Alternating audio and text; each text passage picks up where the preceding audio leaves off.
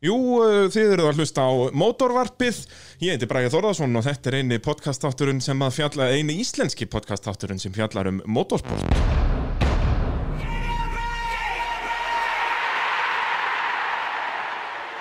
Og gestur þáttarins Guðbjörn Grímsson, sannlega blessaður. Takk fyrir. Hvað segirðu þá? Það var nokkuð góður. Er það ekki?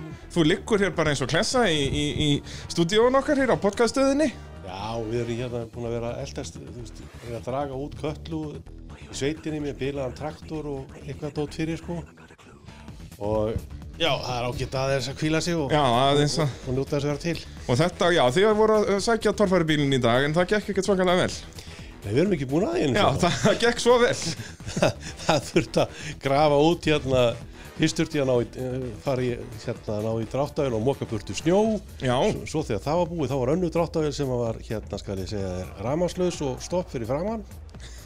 Og þannig að það var bara, ég setti hlæðslutæki á hana og, og setti hérna mótorhittarinn í ganga á henni og, og svo skellti ég mig bara í, hérna til þín í, já, í smá podcast spjall. Í hljóðvarpi, sko. Það er, það er mikið gott, mikið gott og, og mótorvarpið að sannsögði bóði Abja varahluta aðal varahluta vestlun landsins myndi ég nú segja. Eru með frábærar förtsvörur efnavörur og, og allan pakkan og verkfæri og varahluti og allt saman. Þetta er allt gott stöff er það ekki?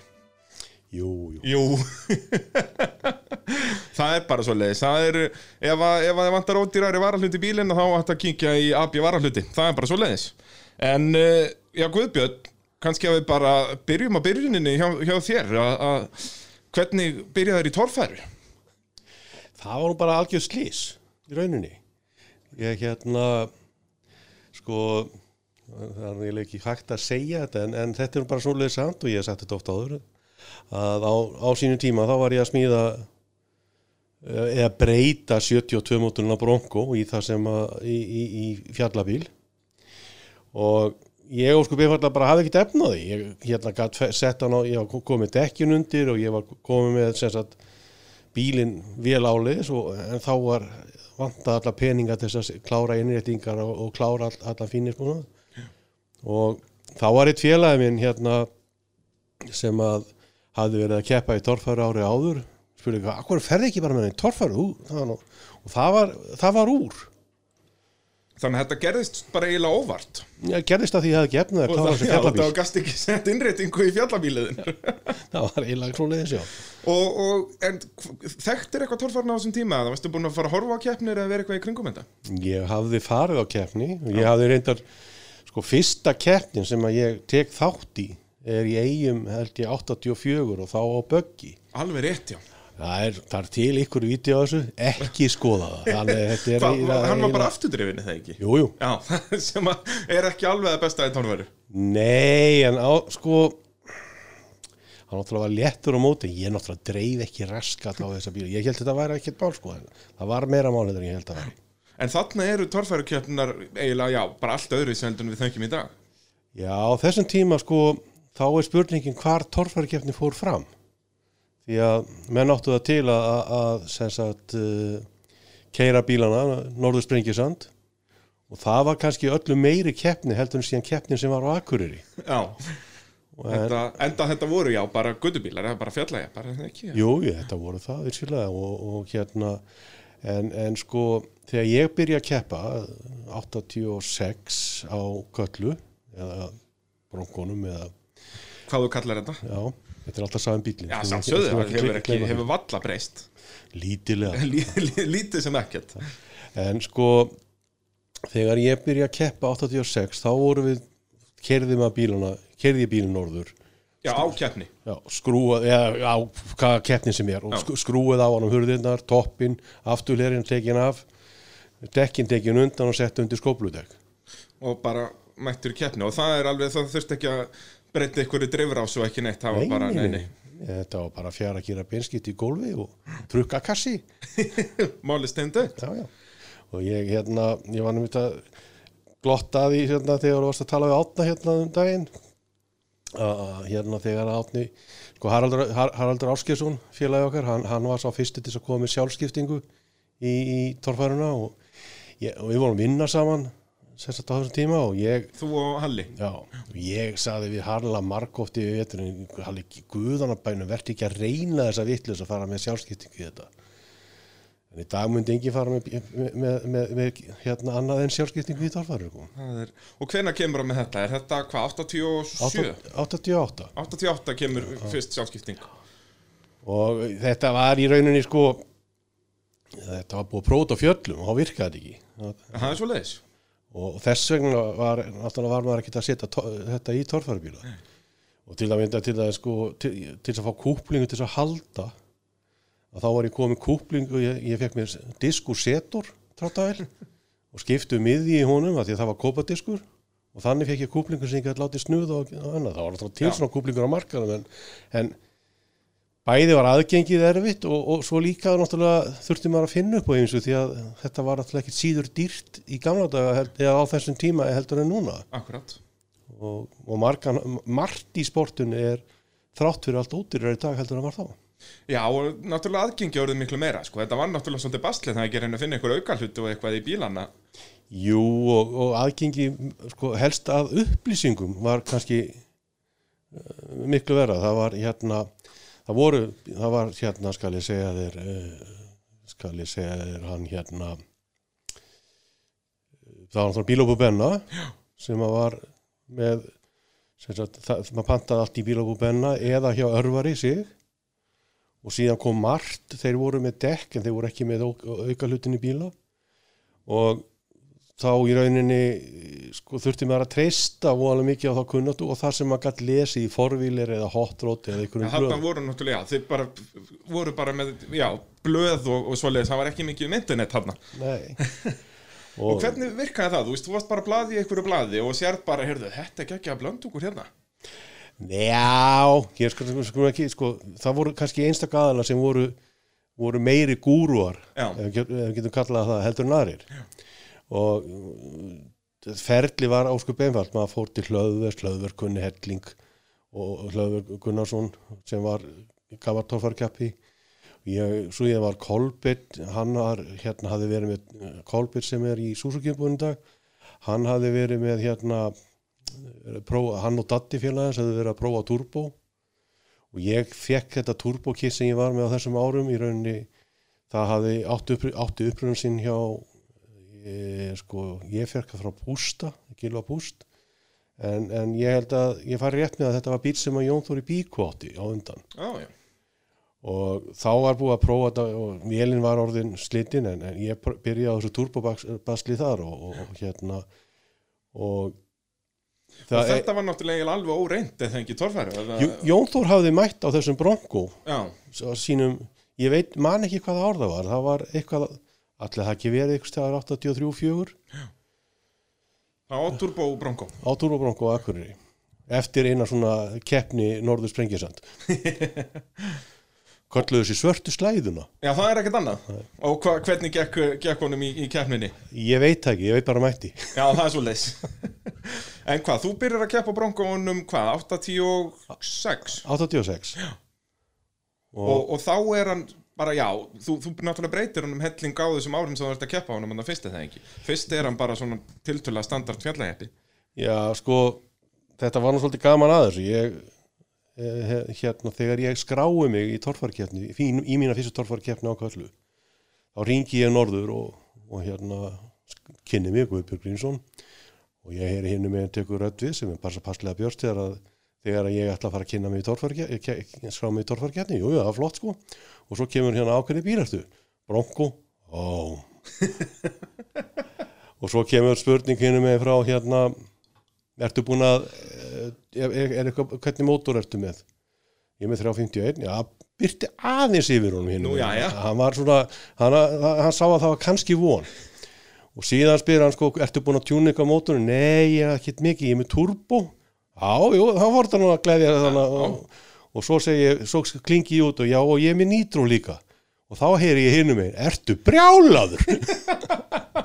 Þá lefnaði hann yfir honum. Já, og ég fór norður og, og kefti og vann þessa kefni það er svo leis Fyrsta keppni á Viljum fyrsta kefnin á bílum Var þetta fyrsta keppni tímabilsins eða byrjaður um fyrsta tíðum minni ég held ég náttúrulega alveg Pálmann í höndunum og það var engin betur en ég en ég steinla á næstu keppni sko. Og svona, já, það, sísoni gekk svona misvel hann þetta 86 síson. Já, sko, málið var að það er náttúrulega einn mesti snillingur uh, fyrir og síðar í torfæru, Bergþór Guðjónsson var hann á þessum tíma. Já. Á sínum Volvo Willis. Já, og ég veit ekki, sko, ég held að hafa verið fáir eða nokkuð búin að vinna á þessum tíma. Þannig að þetta var náttúrulega stórsíðu fyrir mig. Og ég held að ég, sko, Beggi heldur ég sé rosa góður í torfæru af því að ég náði að vinna. Þú ert mik mikið metinn sann á kvalsvelli. En ég, en ég var alveg ótrúlega heppin og þess vegna vann ég hann. Það var svo einfalt en, en, en Beggi er, uh, sko Beggi það var eitthvað steinn í brautinu, hann degði það bara fram hjá hann og, og kerði við liðin á hann. Já, hann er alveg bara, ég væri svo mikið til að fá hann í göttubílaflokkin í dag, sko. Hann Já. á bílinn ennþá. Já, já, hann, Hann er bara út í garði að gera gott mót. er, jú, hann reynda, sko, bílinn var mjög góður. En þeir bræður, því að bróður að skefta á hann Já, og var meistari líka á honum. og var ekki síður ökumöður, sko. Það er, en þær voru alveg magnaðir þeir bræðinur og, og já, kannski Bergþór sérstaklega. Hvað, ég held að hann hafi verið fjó, fjóru sinnum eða fimm sinnum meistari. Já, hann var, og svo, sko, hann virtist aldrei neitt hafa neitt fyrir þessu. Nei, og hann bara, hann velti valla bílum, ég held að hann oltið honum einu sinni. já, það var Bara hann var mjög svona lungin ökumæður. Ég hérna, ég hitti nú Bekka síðast uh, á hellu sko núna í sumarsin leið. Já.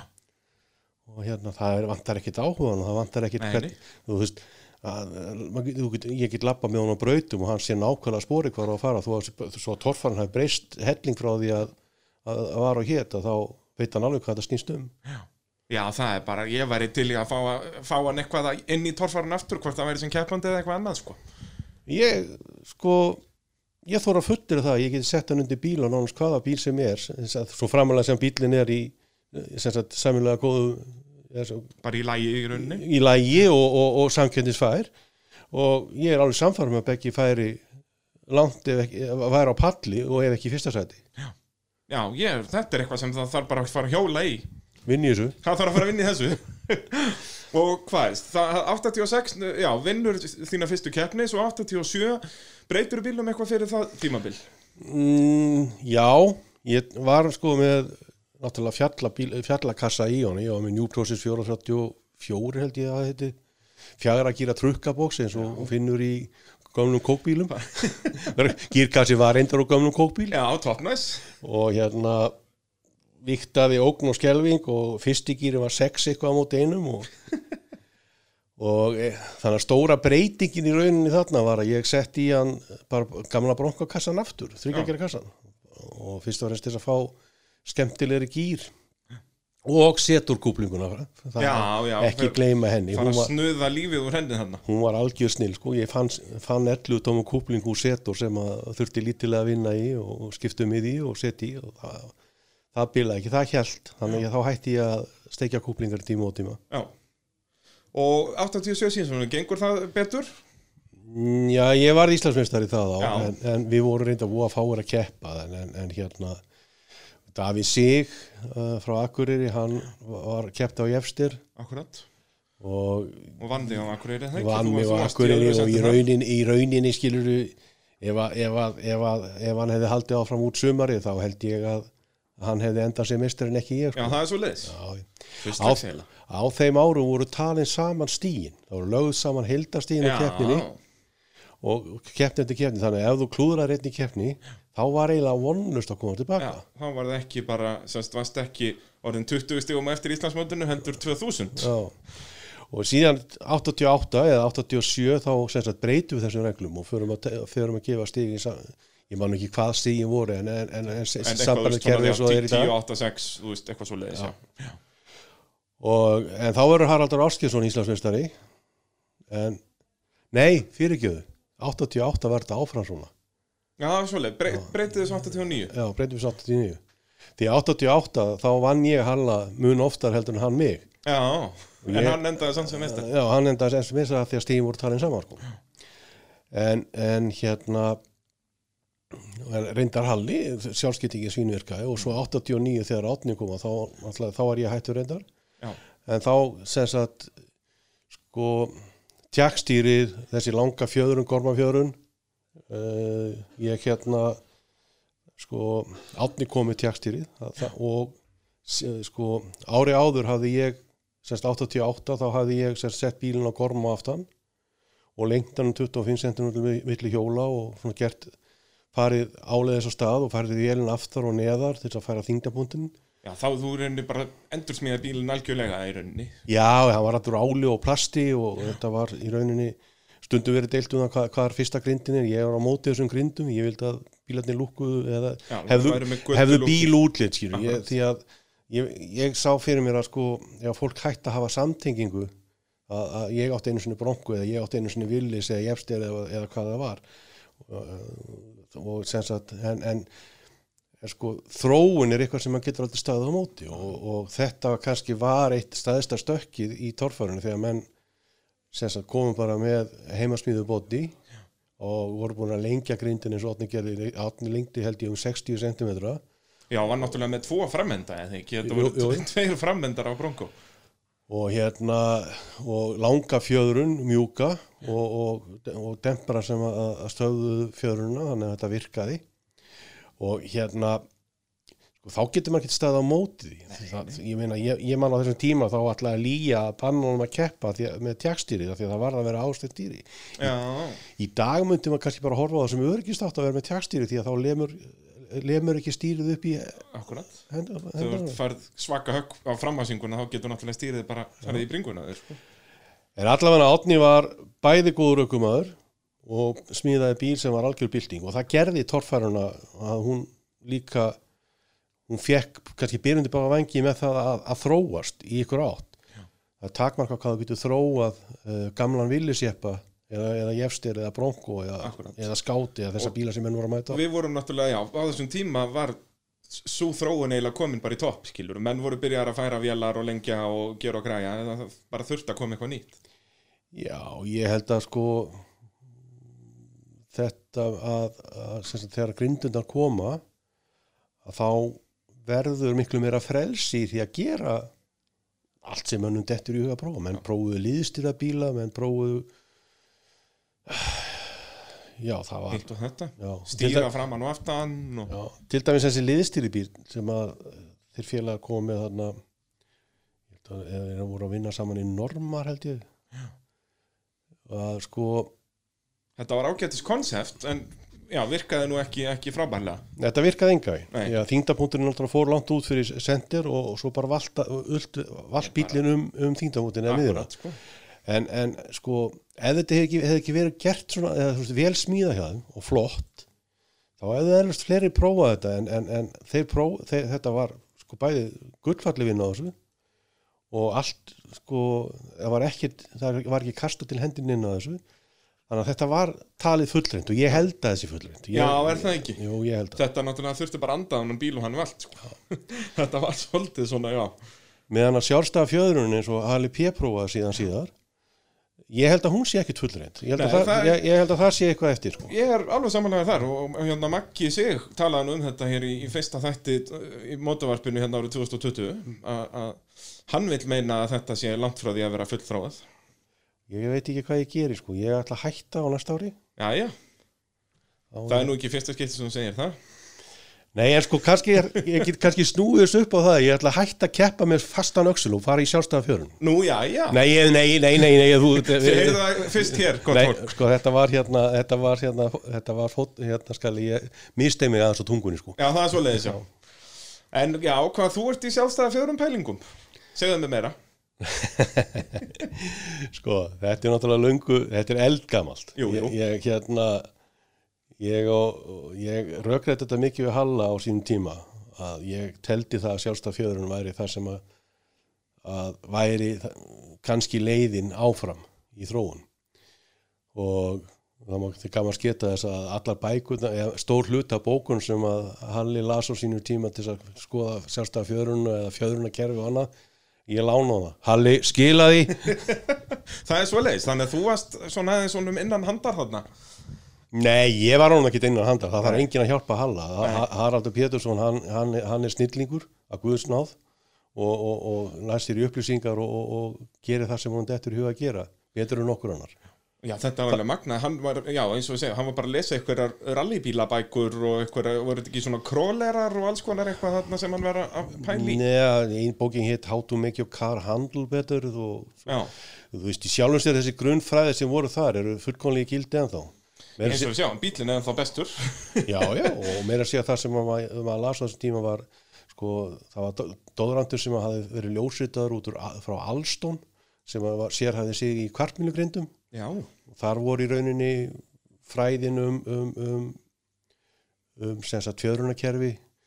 Sko, þar segja þessi prinsip, hvernig hún færi til þingdapunta, hvernig hún setur upp spilnur og annað. Og þetta er allt í gildi er, ekkert breyst. þetta er bara náttúrulegumar sem breytist ekki. akkurat.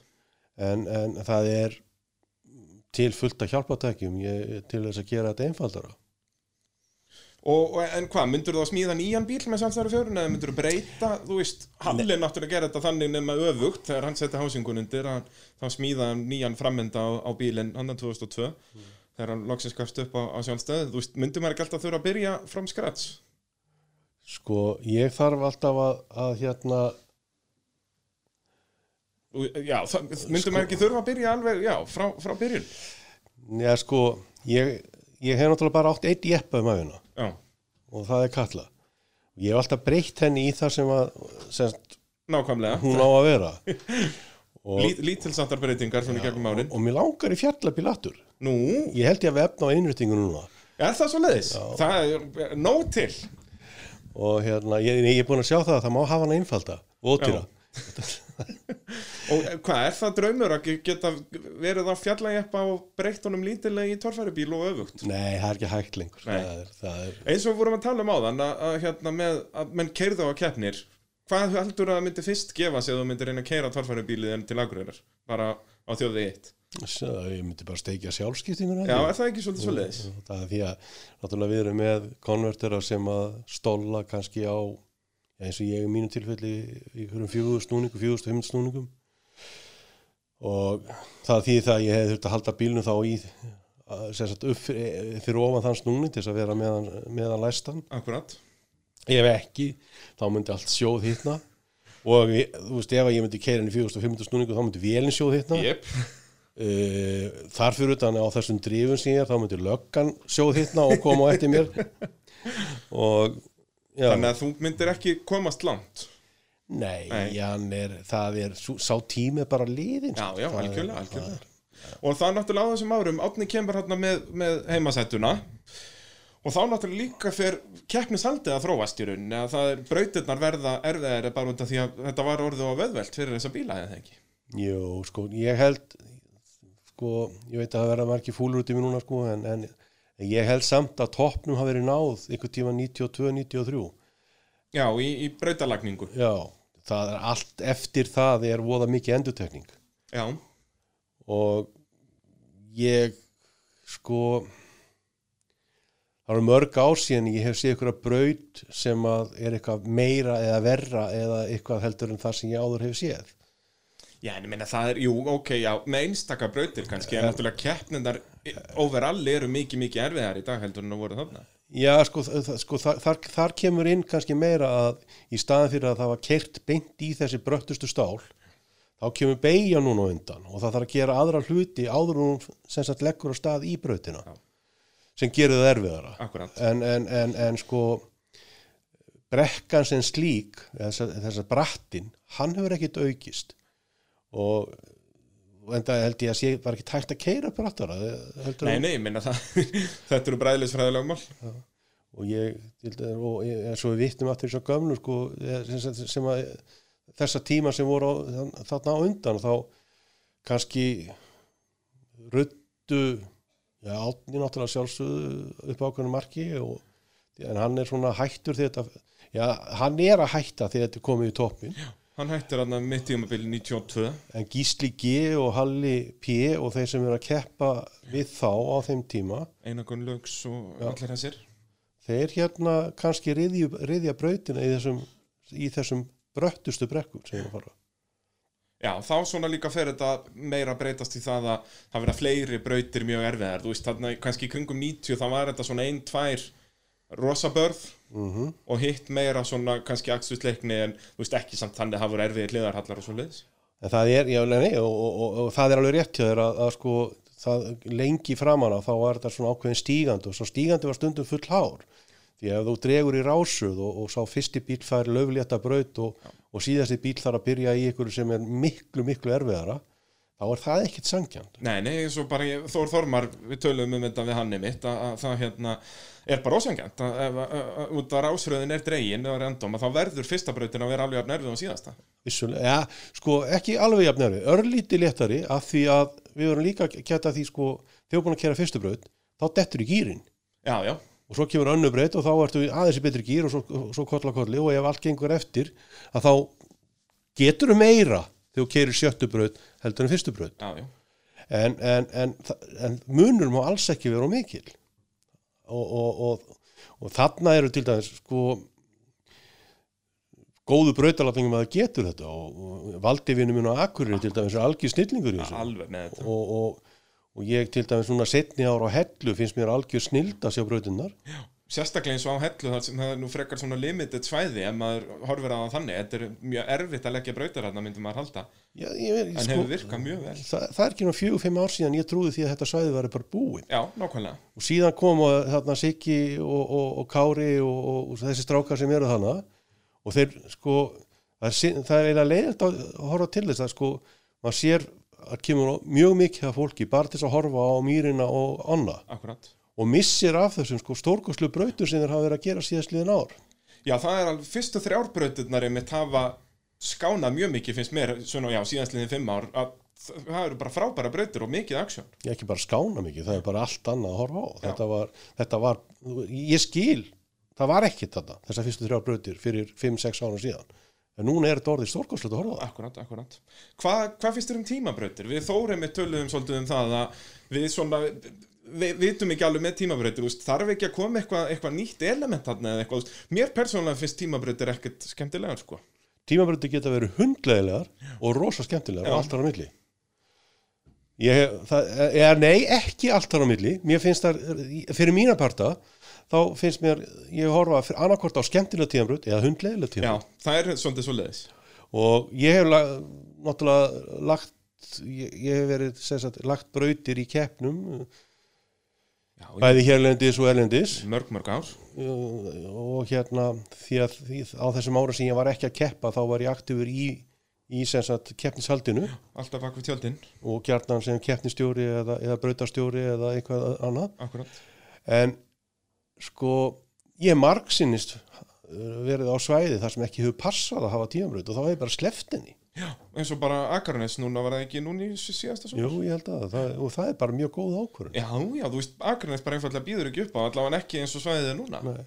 og, og talandi að því við vorum að tala um góðar brautarlagningu þá hefur tekist alveg einstaklega vel til með brautarlagningu på Skaga síðastlu tvö ár. Akkurat. Og, og, og þar sko ef við tökum Akarnes og Egirstæði þetta eru ömuleg svæði fyrir torfærkefni Já, svona þegar maður horfir á það. En af því að það eru algjöri snillingar sérstaklega á eiginstöðum í mörg herrans ár að leggja brautinnar þá verður þetta með skemmtilegustu keppnum sem að sé. Já, Egilstæða keppnin er líka bara búin að vera standard í bara eiginlega alltaf skemmtilegasta keppnin sko. en, en, en sko ég fullir það að ef að það kem ykkur Jón sem að hefði litla sem enga reynslu að leggja brautir að- hann gæti þetta ekki. Þessi strákar sem standa hann á bakvið eða, eða, eða strákar og stelpur eða það er ekki bara strákar jú, jú. að, að þeir gera, veist, algjör, þetta, þetta er undraverk. Þetta er líka bara listgrein að leggja góðar torfærabrið Já, ég, ég, ég sko, valdivinu mínu á Akureyri, hann er snillingur, eiginstæðastrákandir eru algjöru snillingar. Og og hellustrákandir. Vi, Við höfum ekkert nema snillinga. Þannig að, þú veist, að horfa á torfæru í ár og, sem sagt, miða við til dæmis að mörg, oft í gegnum tíðina, í gegnum árin, þetta eru tveir ólíkir heimar. Algjörlega Og mér finnst það líka hafa skánað svo mikið þú veist, meira þess að á þessum gullaldar árum hann í kringum aldamótin og fyrir það þegar við vorum ennþá með áttabrautirnar og Gísli og Halli og Átni Kóps allir að keppa að þá var þetta svo mikið, veist, fyrstu tværbrautin fannst mér alltaf að vera bara svona ykkur upphittun bara ja, aðeins að lulla okkur í hólunum hérna og, og, og núna er þetta bara fyrsta braut strax aksjón Já, já, ég menna það eins og við vorum að tala um áðan, það verður að vera, það má vera eilítill stígandi í þessu en, en, en, en munur má enga veginn vera ómikil og krafan um keppnis, til, sko, keppnis á keppnishaldara er alltaf að verða meira og meiri. Og þeir, þú veist, skila því, keppendur, það er verið að vera krafa á keppendur, þeir skila því. Og úr verður náttúrulega bara, bara veistla bara veistla. uh, ef við förum þá aftur að keppnisferli þínum þá þú kemur aftur hver, hvenar byrjar að smíða nýja bílinn? Eða, eða breyta gamla? Já, sko, ég seldi köllu já, uh, 89 keift hana aftur ég bara reynlega ekkit viss hvað ára það var ykkur um árum síðar. 90 og eitthvað eða 2000 og eitthvað? Já, alltaf ekki verið 2000 og eitthvað sko. Já. og hérna ég, það hafði ekki verið bara 2005, 6, 7 einhvern veginn finnst mér að sko, ég var að spá ég að sko, en þú hefur ekki verið eini íslendingun sem varst að kaupa eitthvað á þeim tíma? Nei, að, sko, einhvern veginn finnst mér samt að þetta verið sko eftir hrun því að, að, að sem sagt það var allan annarkvort 2007, 2008 eða þú veist á þessum já, já, tíma. á, á þessum tíma. Og hérna, ég náði ekki í hann hann bara stóð þarna í tungkanti vestur Snæfellsnesi og, og hérna og þá voru þeir fattin að koma hérna Siggi og Gunni og félagar að keppa í Noregi og og ég var eitthvað aðstofa við það eitthvað lítilega og, hérna svo er það held ég 2011 er ekki komið tími til að ná í hennar bíl? Sigur Þótt Jónsson sko. Já, já, og hérna komum við hérna í, í skúrin og, og smíðum úr þessu torfarbíl og fara að keppa öttur ég var eitthvað tregur og eitthvað svona og, og svo gerir Siggi mér þann óleg að hérna lána mér bílinn sinn í keppni í Noregi. Já, og þá náttúrulega var allar hratnir fara já, já það, var ekkert sem þú gast gert eftir það. Nei, þá, þetta er, ég hef stundum sagt að ég, það má kannski ég segja en, en þetta er eins og, ég skal milda þetta þess þetta er eins og krónisku sjúkdum sem hægt er að halda niðri en það getur aldrei Já. læknað. Það er svolítið svoleiðis og þannig að þið farið í að- að að smíða uh, bílinn hann að 2011 Já, ég held við byrjum 2011 og, og hérna og ég gerði nákvæmlega sama og ég gerði á sín tíma. Ég fór og keifti mér ykkur ofurvél úr Ameríku. Núna var bara standardin aðeins herri Já, þetta er, náttúrulega- sko, ég vann sem sölumæður í Nóri stundum átti ég það til að lappa ykkur að bókabúð og kaupa mér ykkur bílablöð. Og ég hef ekki gert það lengi en þarna okkur þá datt ég inn í bókabúð og kefti mér hottur og hef ekki kefti mörg herrans ár og ég var hafði verið fyrir um veturinn sko á bílasýningu. Já, og, og talaði ykkur á turbokata þar og mér langaði svona 700-800 hestafla vel. Og svo sá ég alltaf bara 1650 hestafla vel í Camaro smallblock, turbo. Ég náttúrulega tók bara símanum daginn eftir og ringdi Tom Nelson og, og bara bing. Og, og svo, svo bara kefti ég vel. Var þetta ekki, var ekki flókið. Nei, nei og svo var smíðaður bíl hérna, já, við getum ekkert, við verðum að orða þetta eins og þetta var þeir smíðuðu bíl frá grunni ekki, þetta var ekki nei, nei, nei, nei, þetta er lítið breytur bronko sko, það var nefnilega að því að þú spurðir á hann hvort það væri hægt að vera með göttubíl og, og, og sérupbúmbíl og við byrjum að því að reyna að, að smíða göttubíl já, sem átti að, að keppa í torfaru í þá göttubílaflokki en í sérubúna Nei, nei, nei, sérubúna já, já, og, en átti líka geta virkað á göttunni já, en það gekk ekki. Við vorum ekki komni langt ef uppgötu það að þetta gæti enga við farið saman. Eða ég uppgötu það Siggi og, og Guðni og strákandi sem voru í kringum mig að þeir hjáttalega sagði ég væri bara vitlisingur, þetta var ekki hægt. Og ég sagði jú, jú, við skulum prófa þetta og, og, þrjóskaðist, eitthvað við og að lokum höfðu þeir rétt það var bara svo leiðis hvað var þetta langt ferðli að smíða bílinn? við gerum það þarna þennan einn vetur, Já. einn torfæri bíl á einum vetri. Ég held að þetta hafi við, við, við byrja hann einhvern tíðan um haustið og, og svo hafi þetta sko einhvern veginn sko það var, það var einhver endarsprettur með alveg hauga liði að smíða og bílinn var ekki tilbúin þegar hún hrúaði gám og sendu til Svíþjóðar. Já, þegar þú náttúrulega keppir á hann fyrst erlendis eða ekki? Jú, keppa hann fyrst í Svíþjóð. Og þá hefði bílinn ekki eins og farið í gang þegar hann var settur í gáminn sko. Og hérna við komum staði þegar við komum til Svíþjóðar að það vantaði sagt uh, þrótturbóti sensorinn og, og hérna sem betur fyrir var Baldur hérna á, á svæðinu sem hann gæti aðstofa okkur litilega með þetta alls saman og, og Rúar Júhansen sem var smíðaði bílinn hans alla, eða, já, nú er allir á hann ekki lengur en, en og við fengum þarna þróttursensor og mikstum þetta eitthvað saman og fengum hann í gang og, og keppni var byrjuð sko Já, það er svo leiðis. Var, og, og ég datt beintinn í tímabrödd og ég náði öðrum besta tíma í tímabröddinni sem að kom mér verulega óvart því að og svo kerði ég ykkur að brautir og þetta var, þetta var, þetta var í rauninni lofaði mjög góðu já, ég hef séð vídeo frá sér keppnu og bílinn bara virkaði mjög vel. já, þetta var, þetta var eiginlega, já, meira heldur en ég átti von á já, ég, ég vissi ekki hver ég átti von á í rauninni og, og svo ferði að keppa á Íslandi, hvað, er það 2014? Nei, nei, Tekur, nei. Strax 13? eða? 2012, Það er svo leiðis. já, já, Já, auðvitað Akureyra keppnin. já, já, Já, blessaður verstuð maður. já fór aftur fyrir mig akkurir Já. Og helst í stýrið allan tíman. Ég, já, ykkur staðar hérna eh, og svo í næstu brut þar á eftir að þá hérna þá, þá, þá kom þessi, þetta stýrisvandamál. Jú, ég, hérna, hvernig er svo tilfinning að kera torfæri bíl haldandi mjög fast í stýrið en stýrið er í, er í loftinu? Sko, ég, ég hef nú oft leiðið að því sko, það er nú kannski, þetta er frægar atriði þegar Ingo fór að hérna, veldi upp í Jósustall þetta gerist nákvæmlega sama hjá honum og hjá mér og eflaust hjá öllum öðrum ég, fyrsta sem ég geri er að ég horfi upp í brekkun og sé að stefnan er rétt og svo botna ég bílinn og fer svo ég að dunda mig við það að setja stýrið á. Það er svona algjörst aukatrið að setja þetta stýri á. Já, ég meina, þú veist, það var mér að til að komast upp. Ein ákamlega en, en bílinn sló dekkið sló í kantin eða, eða náði ykkur gripið að framdekkið og þannig að hann snar beigði til vinstri. Og þannig að ég stoppaði þar og gæði sér stíða og kyrti burtu en, en, en, en hérna þetta er bara svona. Já, já, og, og, og ég held að ég held að þetta sé ekkert eitthvað sérstakt með mig og Ingo, ég held að allir geri þetta. Það, þú, þú, það horfur upp brekkun og veit að það á að fara þarna upp og stefnan er rétt og það bara botna maður. Það, og, og svo náttúrulega það er, er það á hellu 2014 eða 15 Er það ekki 15 þegar þú tekur uh, svakalegu fleitinguna og 14 Það er 14 Þar slærðu nýtt hraðamett á vatninu eða ekki? Nei, ég veit ekki hvað ég var að segja ég hefði slegin í traða með þetta, það var bara fyrst ekki að mælt. Já, það er svo leiðis, þú settir hraðamett Já, þannig að ég veit að það ég veist ekkit ólíklegt að gísli hafi farið hraðar á vatni því að þú horfir á gamla fleitingar að gísla þá eru þær mjög fallega Já, sko. já, það er og góð mikil hraði sko.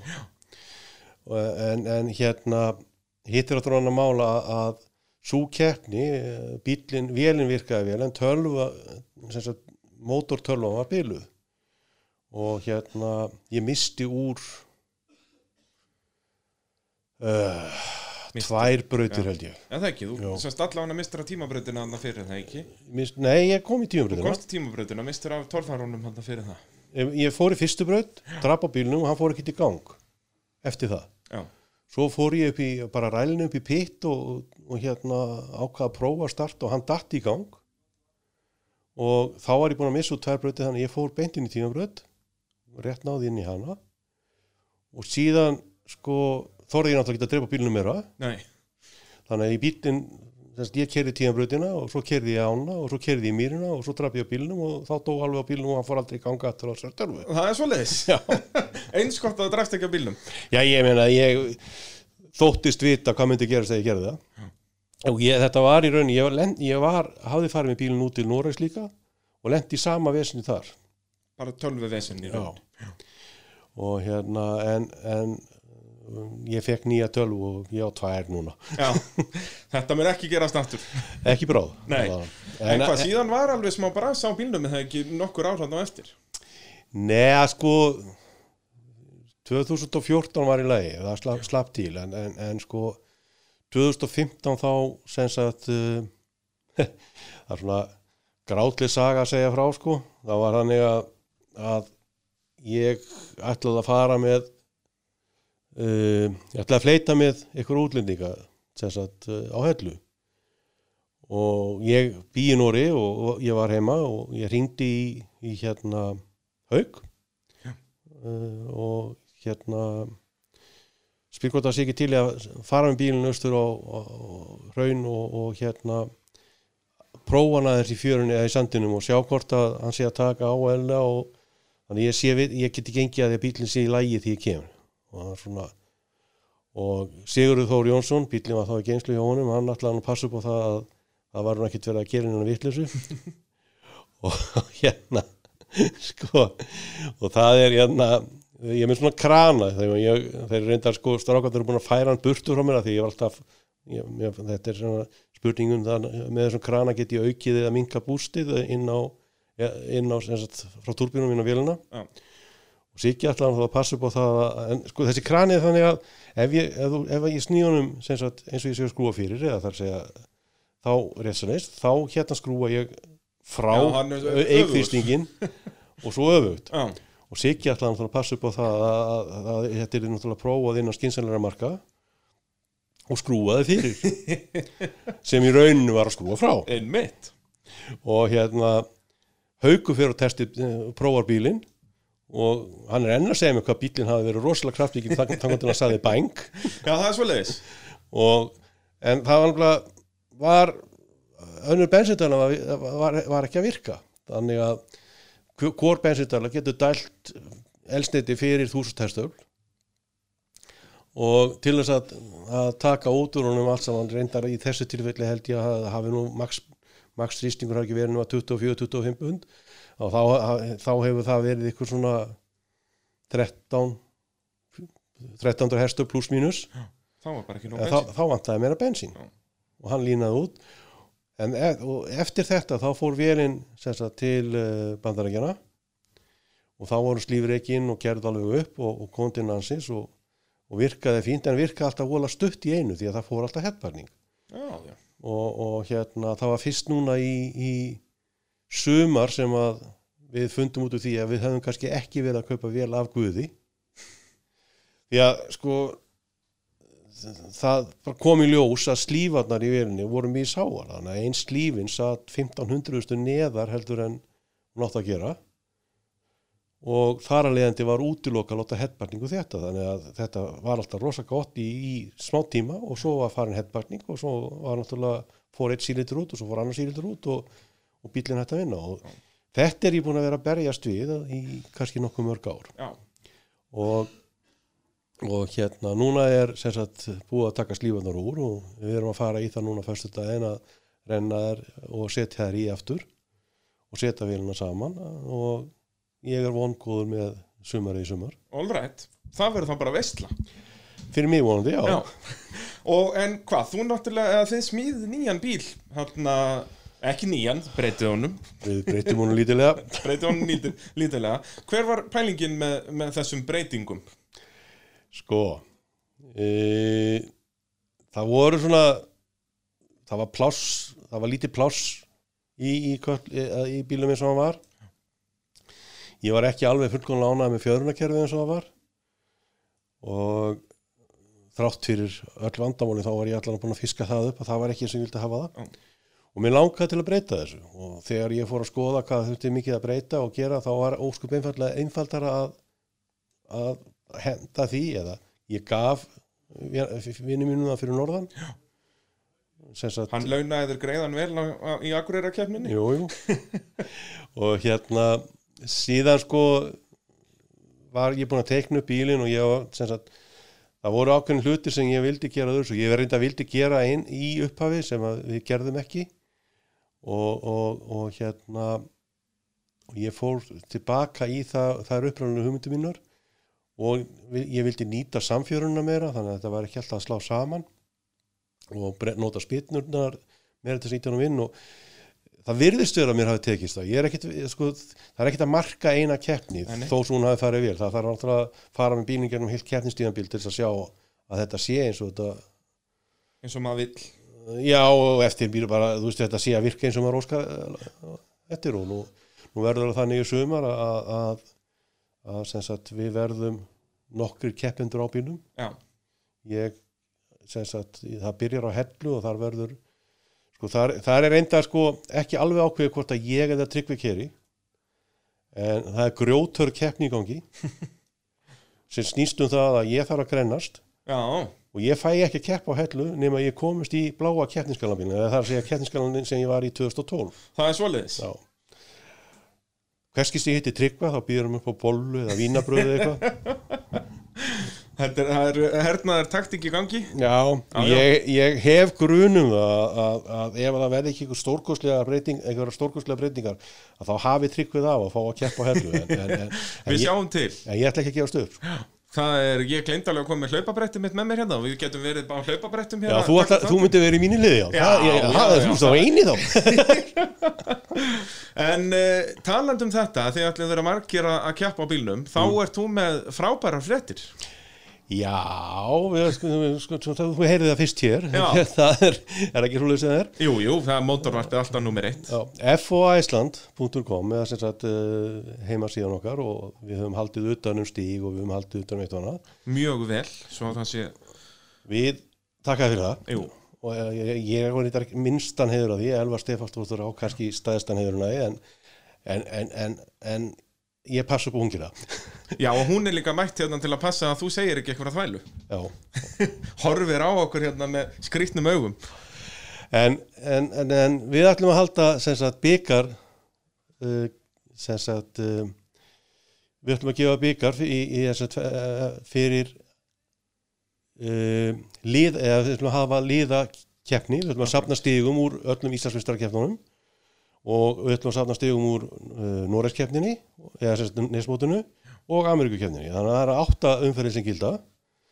Og það er ekki bara sagt, og síðan þess að átta umferðir sem telja og sex af þeim gilda. Já, sem ég finnst algjör snild að þetta eru átta keppnir. Mm. þannig að þeir sem eru duglegir og fara út tvisvar og eitthvað eiga meira möguleika en það dugir raunin að keppa bara í Íslandsmótinu fyrir þá sem eigi gefna að fara út. Og síðan ætlum við að gera annað. Við ætlum að hérna telja stígin hjá gödubílaflokknum og sérubunaflokknum að jöfnu. Þar að segja ef að gödubílaflokkur skorar herra að samanlögum stígum út úr keppni þá er hann í fyrsta sæti eh, overall. Akkurat. Og Og, vinnur það stígin og för- farið svo back to, basic, back to basics eins og vorum að tala um áðan með að í Íslandsmótinu hér í gamla daga þá gildu öll stíin sem þú fegst þar að segja að þú kláraði keppni með 1800 stig þá fegstu þau stig til Nei, við ætlum ekki að gera það. Heldur- ekki að gera það? Nei, en þú, setur, við- þú ferði í sætið. Já, Það er að segja að sá sem er með hæðst flest stig út úr keppninu verður fyrst sæti og svo kolla kolli. Já, sama í hvaða flokkan er. Og síðan gefum við 20, 17 eða hvað það er al- alveg eins og er í Íslandsfyrstarrótunu Já, og, og, og en, en síðan erum við líka með þannig að, að sko þetta er liðið sem er að keppa og það þýðir það að þó að ég sé að keppa þess að tryggvi vinnum í, í fytubólu keppninni og keppir á, á hérna á skal ég segja hellu og svo keppi ég í Nóri og svo keppir Elva upp á Skaga og svo keppir Elvar hann alltaf fyrir hérna á Eirstöðum og Anton verður á Akureyri. og ég veit að Þór Þormar er með svipað á, á sínum bíl Akkúrat, og, og, akkúrat. og ég veit að og Mag- þetta náttúrulega hefur þekst bara í gegnum árin Já, já, já. að menn er að skipta um ökum en þannig að þetta vantaði eins og sannarlega að fá svona mót. Og þar fyrir utan skilur þá svona, getum við hort á það að meðaltalið hugsa ég sé svona hátt í tíu manns baku hvert bíl. Þannig að þetta er svona eins og fótbollalið, 11 manns.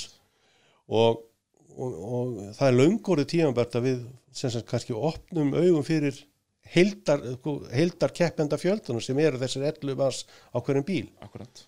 Og, og, og ég held að sko hvort sem þeir velja það að vera með einn ökumann, liði má velja það að nota sama ökumann alltaf Já, eða tíu ökumenn eða meira að, að þá er það í rauninni skilur það sem sko við erum að reyna að fá fókus á Og þetta náttúrulega líka kannski ef ykkur byrjar í, í göttubílafloknum og kaupið sér sérubúum bíl í- um tímabil. Og tekur hann stigið með sér áfram? Akkurat, sko, þannig að má hægt að fara á milli bíla, milli flokka og allt.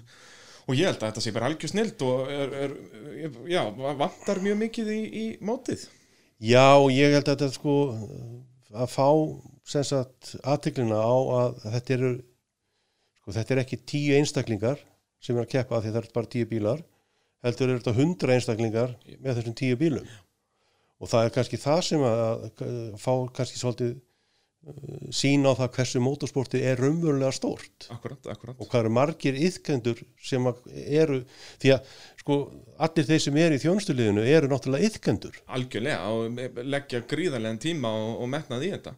Og ég veit að vinnum í Þóru hérna, Þór Þormar hefur sem sagt státa sig af því að, að, að hafa ekki mist úr braut eftir að hann byrjaði að keppa á Þór. Akkurat. Og það er náttúrulega engum verðum að þakka heldur en hans frábæra þjónustuliði sem að já, Bjarga hjálpaði mér líka í haust. Algjörlega, algjörlega. Og, og já, við, við þór tölum með mitt um þetta núna í síðasta þætti að, að það eru svo margir sem að keppa eina, tvær keppnir. Mm. og þá er þetta einmitt svo hvetjandi að, að einhver úr servisliðinu eða hver sem er já myndi fara á bílinn, einhver úr liðinu. Sjá til dæmis í gödubljónum Orra Já. bílinn hans Orra var í öllum keppnum fyrra með sikkurum ökumannum Maggi Sig á undan setti bílinn sinn í nánast allar keppnir. Já, ég sem bara allar fyrir utan núna síðasta sumar. hvort sem hann var á honum sjálfur eða ykkur annar. Yep. og, og, og aðrir sem sagt getur tekið þetta til eftirbreytni og ég er, ég er, ég er ekki neinum vafum að það gerist. Líka, þú veist, ef að, ef að menn vilja eiga bíl saman þá er þetta kjörinlega til þess að taka það og, og fá þá ykkur að viðkenningu fyrir það og við höfum náttúrulega séð það líka í gegnum árin að fólk er að eiga bíluna saman og, og þá er þetta alveg kjörið. Já, þannig að það verður, sumarið í sumar verður algjörum veistla ég held að ég, ég hérna ég horfi bara í kringum á hvað strákvæðin eru að gera og hvað, hvað strákvæðin eru að vanda alls sem eru að gera og, og, og ég meina það er sára sjálfna sem að fer á torfærkefni og, og það er ykkur fjóri-fimm bílar sem að ekki ganga það er algjör undateyning að bílar Já. ekki að ganga. Ég mann síðan það var kannski svona 2014-15 eða eitthvað sem það gerist. Eða jafnvel lengra síðan. Það er lengra. Það er, þetta er bara, já, frábært. Hérna, ég held að sko, eins og við vorum að tala um á þann að aðgengi að góðu dóti er mun meiri núna og kunnáttan er mun meiri. Og aðgengin að, aðgengið að þekkingunni er, er mun já, þú fer bara að googla og how to make a good motor. Nákvæmlega, bara bing. Þetta er ekki flókið. Uh, þá skulum við fara aftur til átsins 1990 var það ekki fyrsta árið sem torfæran fór erlendis? Júp, og þú varst nú eitthvað með, með puttana í því? E, já sko, ég var þá uh, formaður Jeppaklús Reykjavíkur. Já. og ég reyndar stopnaði Jeppaklúb Reykjavíkur 1988 og hérna ásand öðrum. Og Ragnar Kristinsson heitinn og hérna við fengum þá eða, við fengum heimsótturinn frá Svíþjóð. Og þeir komu og skoðu hérna keppni og gerðu og við fórum á jökul og úrvara við ákvæmum að við skyldum bara halda torfarkeppni Svíþjóð á réttir eða eitthvað svoleiðis, þetta var allar mjög skammur fyrirvari. En það var þá einhver áhugi þarna í Svíþjóð fyrir, fyrir íslenskri torfæri Já, vissulega og, og þeir höfðu séð hvað við vorum að gera og, og, og komu hérna gaggjart til þess að skoða keppnir og, hérna og síðan um veturinn þá sagt fóru við til Svíþjóðar eða við fórum með haustir reyndar og, hérna ákvaðum að, að gera þetta. En sko ég fór reyndar ekki með út ég bara skipulaði allan pakkan og síðan var hérna sem Ragnar heitin Kristins og, og Steini Sím sem að í rauninni báru þungan af því að fara með hópin en, en hérna uh, síðan er sem sagt þess, það er að halda tvær keppnir þarna þetta, þetta ár í, í þessari ferð.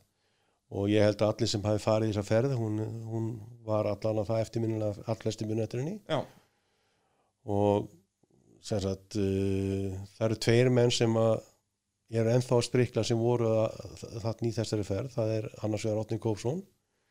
Ég reyndar Arne Júhansen já var hann hann hann var í þessari fyrstu keppni já, en hvað, já, hann er normaður hann er normar hann hætti á síðast ári.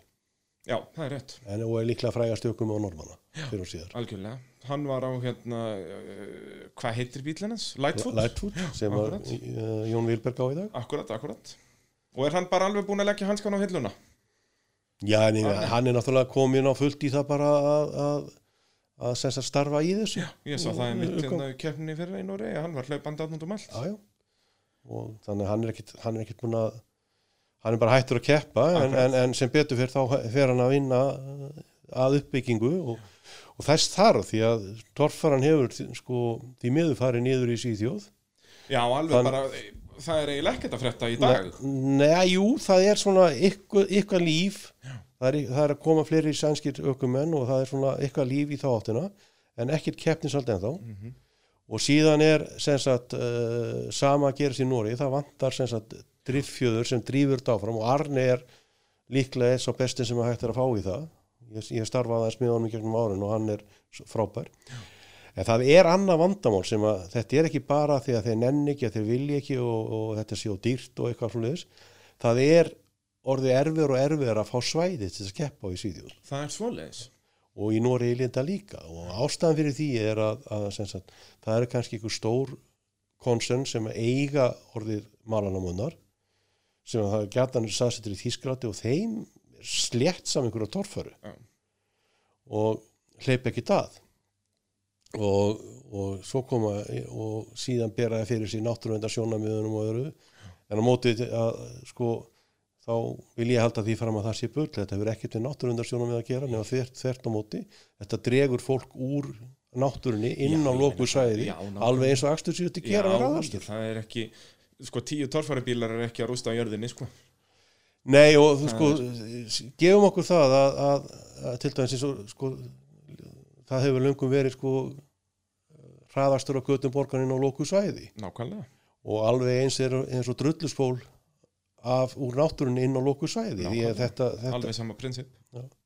þannig að þetta er sko, en þetta er þetta er sífilt erfiðar og erfiðar og, og sama hef ég búin er ég búin að rekka mig á í Ameríku að það er ekki hlaupið að að komast inn á svæði, það þurfa að vera svæði sem þeir eru búið að skipulegja fyrir uh, áfrúdagstur og, og ef að þau ef ég, em, en þá kemur megna þeim svæðin sem maður finnur í Ameríku það eru grjót Já, þetta er allt svona rock bouncing dæmi. já, Og með, náttúrulega líka bara gegnum trí og, og vitleysu, sko.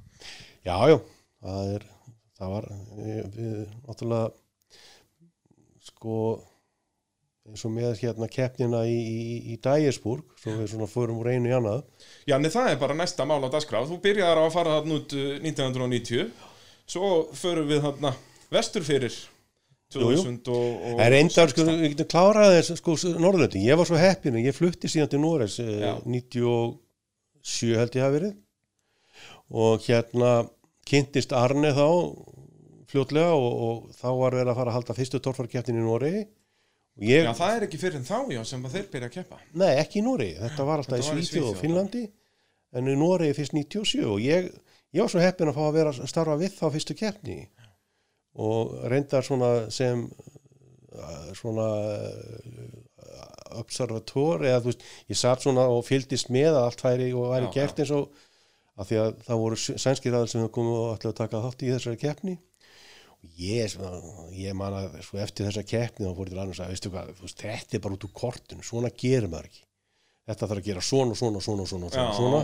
Og svo gjörbreyttu við keppnisaldinu og næsta keppna eftir var frábær. Já, og þá var ég að sagt, það, var, það eru hérna félagar sem kalla sér landsliði í keppnisaldi sem að eh, varu Ragnar Hittin Kristins og, og, og, og hérna Tóti í Ósal og fleiri sem að voru líkilmenn í torfarhaldi í Kanada og Davíð Sig hérna uh, optiker og já, já. og hérna þeir voru með ákveðnar reglur hvernig þetta var gert. Og ge- ég heldu það voru haldna rosalega góðar og velskipulega keppnir á þessum árum. Já, þarna líka fer bara, torfærin í Noregi bara rauninni. Já, og Á ég, ég aftur mútið dráð þennan lærdóm sko frá Íslandi og þanga Já. og, og, og hérna það er skaman og síðan bara urðu frábæra torfarkeppnir Kemur Sí- Norðurlandamót síðan síðan þarna, Já, já, 2003, en- eitthvað svo leiðis. en svo kemur stóri brandarinn sko svo koma norröndir hingað að keppa í Mekka þar sem allt er svo frábælega skipulagt og teppi keppni og það stóð ekki steinni við steini. Þá og ég, og ég, ég, ég, ég sé alltaf skammast mér meira því að þetta var, þetta var ekki gaman. En, en, en til að gera langar svo stutta þá er keppnisaldi hérna orðið ef eitthvað er betra heldur en í Nóri og, og menn hafa tekið sér verulega á. Og, og hérna en, en þetta var svona, svona já, pínu skrítið að koma til Íslands það sem alltaf á að vera 100% og þar var, já, langt frá því. já það voru svona hlutir sem að sko voru ekkit alveg í lagi og en eru fullkomlega í lagi í dag Já, keppnisald, mjög gott í dag. bara, en, en, en síðan sagt, síðan kemur Amerika Já, Ég- Það var alltaf draumur Já, sko, ég og Ragnar heitinn, við vorum með þennan, við ættum náttúrulega bara að fara til Ameríku 91, sko. Já, já, við bara strax eftir svíþjóð Já, já, það var ekki vandamál. Sigra heiminn og það strax Kanski, þú veist, þegar fór að líða á, árin, þú veist, á 90 og við sáum að myndum kannski ekki náðast 91 og allavega 92. Já, Og, það táði staðins lengur já, það liður nokkur ár. og, og hérna, og ég fór, ég er búin að fara og skoða og ég er búin að, ég er búin að eyða í rauninni fullt af tími þetta, en þetta er skemmtilegu tími, það er ekkit, það er ekkit, sko, ekki, ekki draga úr því, sko.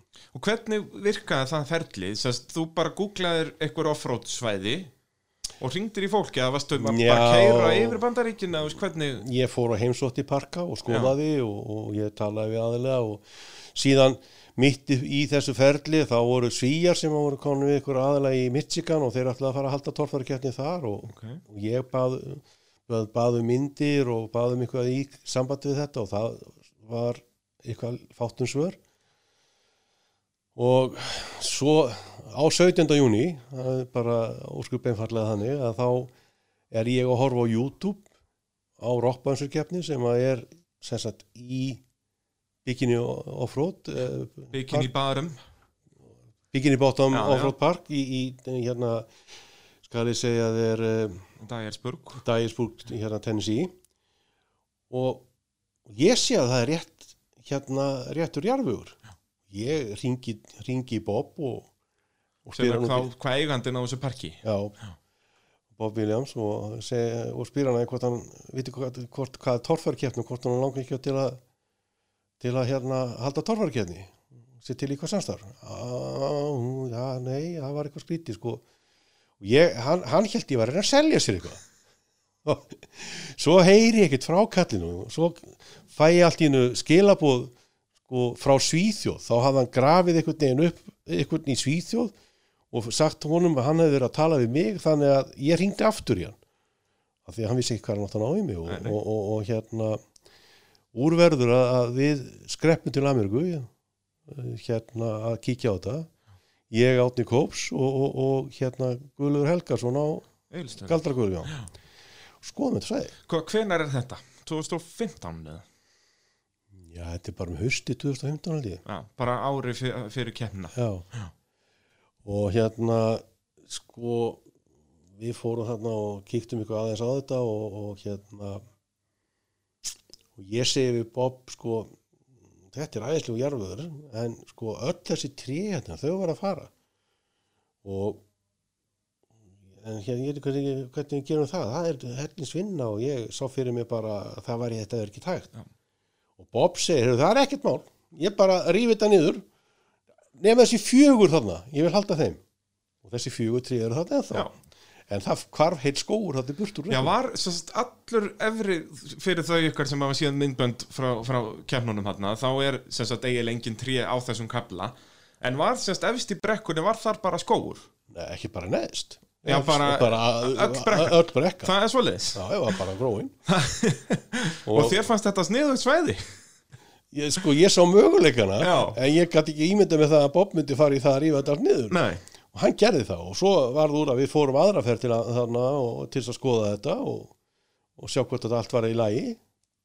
Og þá var búið að fjarlægi alla skógin og allt var orðið bara eins og átt að vera. bara torfæri svæði Já, það voru ykkur spýtu sem átti eftir að brenna eða koma í burtu og hana, en, en hvenar er þessi setni ferð þá? bara hérna veturinn eða? bara í, ég held að það veri í apríl eða leis.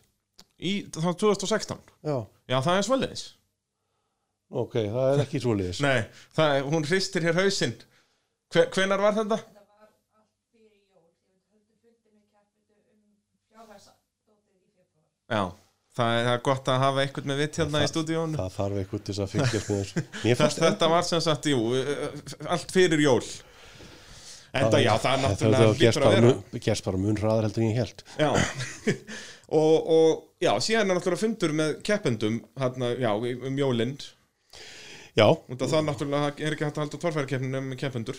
Nei, nei, og, og ég hérna fekk þetta með og kynnti þeim fyrir að sagði að þetta væri svona og svona og svona, þetta var hægt að gera þetta svona og svona. Og komst að þeirri niður stöð ég var ekki eini vittlisingunum sem var tilbúin í ykkur svona vittlisu, það voru, ég held að voru 16 sem fóru hann í fyrstu Það er ekki, þetta var alveg heljarinn að dæmi. Já, ég meina, sko, draumur minn var að fara með tvo bíla og mestalagi tíu kalla og bara sína hvað við varum að gera. Já. Það endaði í sagt, 16 bílum og 350 manns Já. En það var líka Daggersburg bara íslensk, íslensku bær þarna yfir þessa helgi. Já, ég meina, Þau hefði aldrei síðan annað eins. ég fór þarna á fund fyrst, fyr, fyrst sko fór ég á fund með sagt bæjarstjóranum og lauruglustjóra og allir þess að skila hvað, hvað við varum að gera og, og við reiknum með því að það gæti komið þarna fleiri þúsund manns og, og svo kolli og, en síðan eftir þessa fyrstu ferð að þá í rauninni er sagt Dægisburg stiður stiður okkur á þann hátt að þeir borga hót, hafa borga hótinu fyrir flugbjörgursetuna Já, það er svo leiðis. öll, öll árin sko. Þannig að það er alveg bæjarfélagið er, er að hjálpa. Já, já, þú veist, þeir, þeir komu með tölur eftir fyrstu keppnina, bara ein, eh, það var hérna, ég held að Gulli Helga félagi minn og, eða sagt, Galdragullur og eh, félagar, fund út úr því að þeir get ekki komið til Dægisburg, eða er í Redneck City, öðru sér heldur en í smekkbuxum. Já, já. Þetta náttúrulega var, var til þess að allir fund út úr því að þeir þetta fara í smekkbuxur Jep. og hérna Walmart í, í Dægisburg tæmdi lagurinn af smekkbuxum Jep. Þetta var alveg kostulegt, sko. og þetta, ég man ekki hvað það var en, en það var tekið fyr- fyrir fram á bæjarstjórnafundi hvað þau sér selta marga smekku Það er svo leiðis. Þetta, þetta setti bæinn bara á hliðina. þetta var aðýðislegt Þetta var bara yndislega ferð, það er bara svo leiðis og hefnaðist mjög vel og, og hefur verið kæft þarna öll ár síðan. Eða svona, þetta var ekki- beint keppni í fyrra, þetta var meira svona síning. við, fórum bara ég og Maggi og, og, og síndum svona að við varum til en þó Akkurat. og, og hérna allt í lagi með það en, en sko það kom klárlega fram í miðasölu og því sem við fengum að heyra frá fólki að, að okkar var saknað Er það ekki? Jú, það voru, það voru sko, það voru svona cirka 300-400 færri kepp, áhörundur heldur en við hefum átt að vænta og all flesti sem ég talaði við spurðu af hverju varum ekki að fleita og af hverju varum ekki fleiri og, og þetta er svona, var mikið sorg að við skildum ekki vera á staðnum. En það við munum breyta því 2020. Já, já, heldur betur. Það eru, hvað, er ekki komir, staðfistir ykkur 12 bílar eða eitthvað? 12 bílastafistir, Það er helviti gott. það er rosalegt. Ég, og í rauninni miklu meira heldur en ég átti vona og, við, og hérna ég setti bara, við, við keppendur erum með svona grúpu fyrir okkur sjálfa og ég, ég setti bara inn þar og hverju vildu koma með og, og sagði þeim hvað það kostaði og, og, og hérna og allt í nú voru 12 manns búin að borgin á borgarstafis ekki held. Þetta, ég get allavega ekki beðið. Þetta verður algjöru veistlega í, í haust. Já, ég held að, ég, já, ég er alveg til og við verðum núna aftur aðalatrið. Já, eins og þetta var þá 2017 eða ekki. Jú, 2016 vorum við svona sideshow. Nei, séð. 2016 voru við Vorum við aðal 16? Þa, þá vorum við bara með torfarbíluna 2017 þá var komið Jú, sem, alveg rétt, já. 2017 og 18 var Það var rockbandsörarnir með. með fænalinn sinn sem verður núna tveim vikur setna í Oklahoma þannig að núna komaði Ok. bara með eina umferð þarna Ok. þannig að ekki, ekki það að það verði minna að horfa á en það verður svona við verðum aðalatrið meðan þeir verða aukaatrið Akkúrat. við, en áður var það svona kannski jaft eða jafnvel við vorum aukaatrið og þeir voru aðalatrið Og, og hvað er planið með, með bandaríkin? Að að bandaríkjamaðurinn fari að keppa í sínu móti eða, eða, eða hver, hver er svona draumurinn? Sko, uh, þegar við lögum á staði í þetta verkefni þá hansölu við svona að við myndum gera þetta í fimm ári sammenningu og skoða síðan í framhald af því. Og það hefur reynin ekkert breyst. Við skoðum núna í haust þegar þessi, þessi, þessi umferð er búin þá skoðum við framhaldið. En, það er að vissulega farið á stað starf með það að, að, koma þessu betur og fót, sérst, byggja meira undir þetta. Það er aðil í, Ameríku sem ég tala við núna á King of the Hammer sem að hefur áhugaði að fara að, smí, að aðsmíða bíla til þess að fyrir Amerikumarkað og við vorum tölum við hefum líka verið í, sem samskiptum við við, sem við skrifstofsins eða sem sagt, aðalega sem sér hafið sig í hvað heitir það, Public Relations hvað heitir það á íslensku Það er góð spurning. Public Relations, við bara vonum að hlustendur skiljið smá útlensku. Já, Markas hvað? Markasetningarstofa. já Það er ekkert... við skulum tala íslensku Já, já, við förum ekki að vera með einhver ambugur hér í mótorvarpinu. Nei. og þeir eru áhuga samir að skoða hlutin áfram og ég sem sagt það er sko einfallega að þeir verða þá að koma með eitthvað því að við höfum ekkert Nei, nei, það er og þannig að það er, það er, það, það er allt úti til þess að, sérst verið að vinna í því að það verði áfram, áframhald að þessu en, en eftir stendur að, að það er ekkit meira en, en, en svo að við ætlum að klára þessa keppni í haust og svo í framhald af því þá skoðum við hvað við gerum. Og já, þú myndist á King of the Hammers, þú náttúrulega fóst hann út með Magga a- og, kupsliðinu. Hvernig, getur þú sagt okkur aðeins frá því? það var æðislegt. Hann náttúrulega Maggi kom hérna í mótovarpið rétt ára hann flög út. Og já, þetta var svolítið öðruvísi. Já, sko, náttúrulega fyrsti lærdómur sem Maggi fekk þarna var að, að, að, að, að þetta var langlöp, ekki sprettur og, og hérna við gleymum því stundum að, að við förum í, í, í þegar við erum að keppa í torfarkeppni að þá er bílinn í henglum eftir brautin, hann kemur niður í pitt og eins og við vorum að tala um á hann, þetta er hópur af mönnum sem te tekur hann og í, í gjörgæslu og ruslar hann saman og kemur hann í næstu braut. Og síðan getum við gert þetta í sex brautir í röð og, og, og, og jafnvel unni keppni eins og Þór Þormar Margótt gert. Ég- ég meina, þú, þú flýgur ekkit fer, fer ekkit upp í loftið í einhverja flughæð og lendir uh, hérna án lendingabúnaðar og, og þess að bíl eitthvað Jep. en allavega sko en, en Maggi stóð sig mjög vel og liðið hann stóð sig mjög vel í, í sinni heild en, en, en ég er samfærum það að, að sko ef Maggi fer aftur sem ég gerir fastlega ráð fyrir hann geri að Það verður að fara aftur. Já, ég held, ég held það að sko, ég spurði að því og ég er ekkit vissum að viti að sjálfur hvort hann ætla að fara aftur eða ekki eða hvað hann ætla að gera en, en, en, en, en ég held að við vitum það Já, það er bara, þessi bíllinn líka virkaði mjög vel og, og Maggi kerði mjög vel. Já, ég, og, og hérna sko var, vandamáli var hérna að, sagt, að, að líklega er að stæðsta vandamáli hans hafi verið tími hann hefði þurft kannski tvær vikur til viðbútar í, í undirbúning. bara, en, en, en þeir voru sagt, það fór drifskaft og það var lagað og þeir settu sverar drifskaft í og það fór öxull og það var lagað og þeir gerðu og þeir löguðu bílinn. Og, og ég held að sko það eru sára litlar breytingar sem þarf að gera á bílnum til viðbútar til þess að hann sé fullkomlega keppnisæfur Já. og Mag og við settum undir hann hérna orri í stuttan þannig að hann fekk nýja dempar undir bílinn og, og hérna þeir voru hjálpúðum að, að, að stilla inn fjöðrunina þannig að hann var farin að haga sér mjög skemmtilega. Já. en og Maggi að kerði það það er svolítið svona, það er svolítið sko, deilumál sko. Bílinn fór í save af því að hann o- ofhitnaði. Akkurat.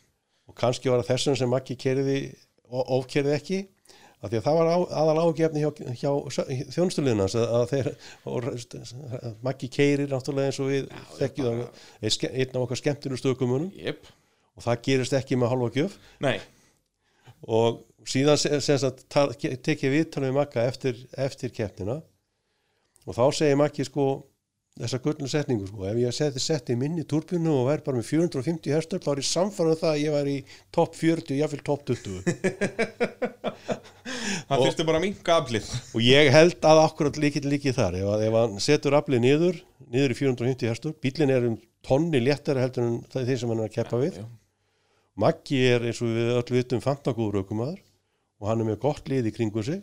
Þannig að ég held að ég verður bara að taka undir þessu orðans að, að ef hann fer, að, fer aftur þá klárar hann og þá verður hann í topp 40 líklega í topp 20 Já, allavega, það er eitthvað sem ég vil sjá.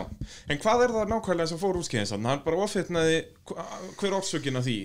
það er náttúrulega fyrst og fremst bara að, að bílinn hefur aldrei kerður svona langa vegar að er- þetta var alveg unknown sem við vorum að fara í. og ef, að, ef, að, ef hann hefði búin að kera langa vegar þá hefði hann aukvitað það að viftuna voru ekki nóg góðar Já, sem að koma, þú veist, þeir settu nýja vaskasa í, stærri vaskasa og viftunar voru ekki að draga nóg þannig að hann náði ekki að kæla sig eins og hann átt að gera. Og þetta voru svona, eins og ég segi, það voru bara smáatur sem stoppa hann sem að fyrir þessa menni leikur einn að laga. Já, já, það er eins og ég segi, hann bara þarf að fara aftur og, og láta þetta allt smetla. og ég held að sko þetta er náttúrulega, það eru hundrað ykkur stað heyrði ég núna að það hefði verið 120.000 manns sem voru á þessari kefni Já, sem koma hann í Hammertown í, vikuna Þetta er náttúrulega Hammertown þarna verð bara Já, eins og nafni gefur til kynna Hammertown, þetta er bara bæjarfélag sem er sett hann upp í, í eðumörkinni Já, það er ekkit fyrir það bara- hálfum mánu á undan Ég það er ekkit þarna og, Svo hálf, bara koma þeir og bara vrum, og viku setna er ekkit Já, og í orðsinsvistum er þetta ekkit þetta er bara, þetta er magnað sko. Og, og hérna og auglýsingagildi þessari keppni er, þetta er orðið þannig að, að það er allir sem að eru í einhver, einhver tengli mótorsporti sem eru með tjöld eða auglýsingar eða, eða, og, og styrkja keppendur þarna. Og til dæmis sko það að, að fá dempara hjá Ori fyrir King of the Hammers og Magga reyndar sko það verður reyndar að segjast fyrir að kupurinn var þeirra upp á spýrt fyrir en, en, en þannig að það var kannski auðvöld að fara. En það er allt annað að byggja um eitthvað fyrir, fyrir, fyrir sem sagt, þessa keppni heldur nokkuð tíðan þó að torfærakeppni nokkuð sér frábær þá er þetta svo miklu, Já, miklu starra svaka, svaka dæmi. Þannig að fyrir, fyrir íslenska aðeila sem þurfa að kynna vörur eða eitthvað í, í Ameríku að þá bendi ég bara á makka, talaði makka og hérna komist að samkóðunagi það er bara svoleiðis. Heyrðu, eigum við þá að fara að slá botnin í þetta erum við búin að gleyma einhverju?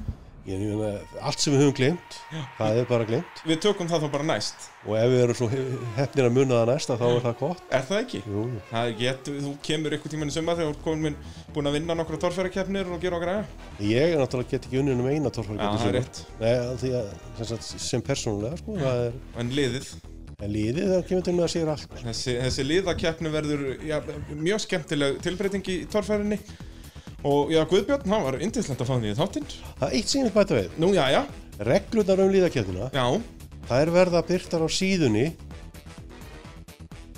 foiceland.com í nótt. í nótt. Já. Ég til í það, þess að í þá gærnótt út að þið eru sennilega að hlusta á þetta á, í Já, nei, það verður, sko. komið þegar þið sjáu Já, þetta. er það ekki svolítið svoleiðis? Já. Ég held að þetta er náttúrulega líka podcast Fólkið, þú veist, kannski er eitthvað að hlusta á þetta árið 2022 Hvað veit ég?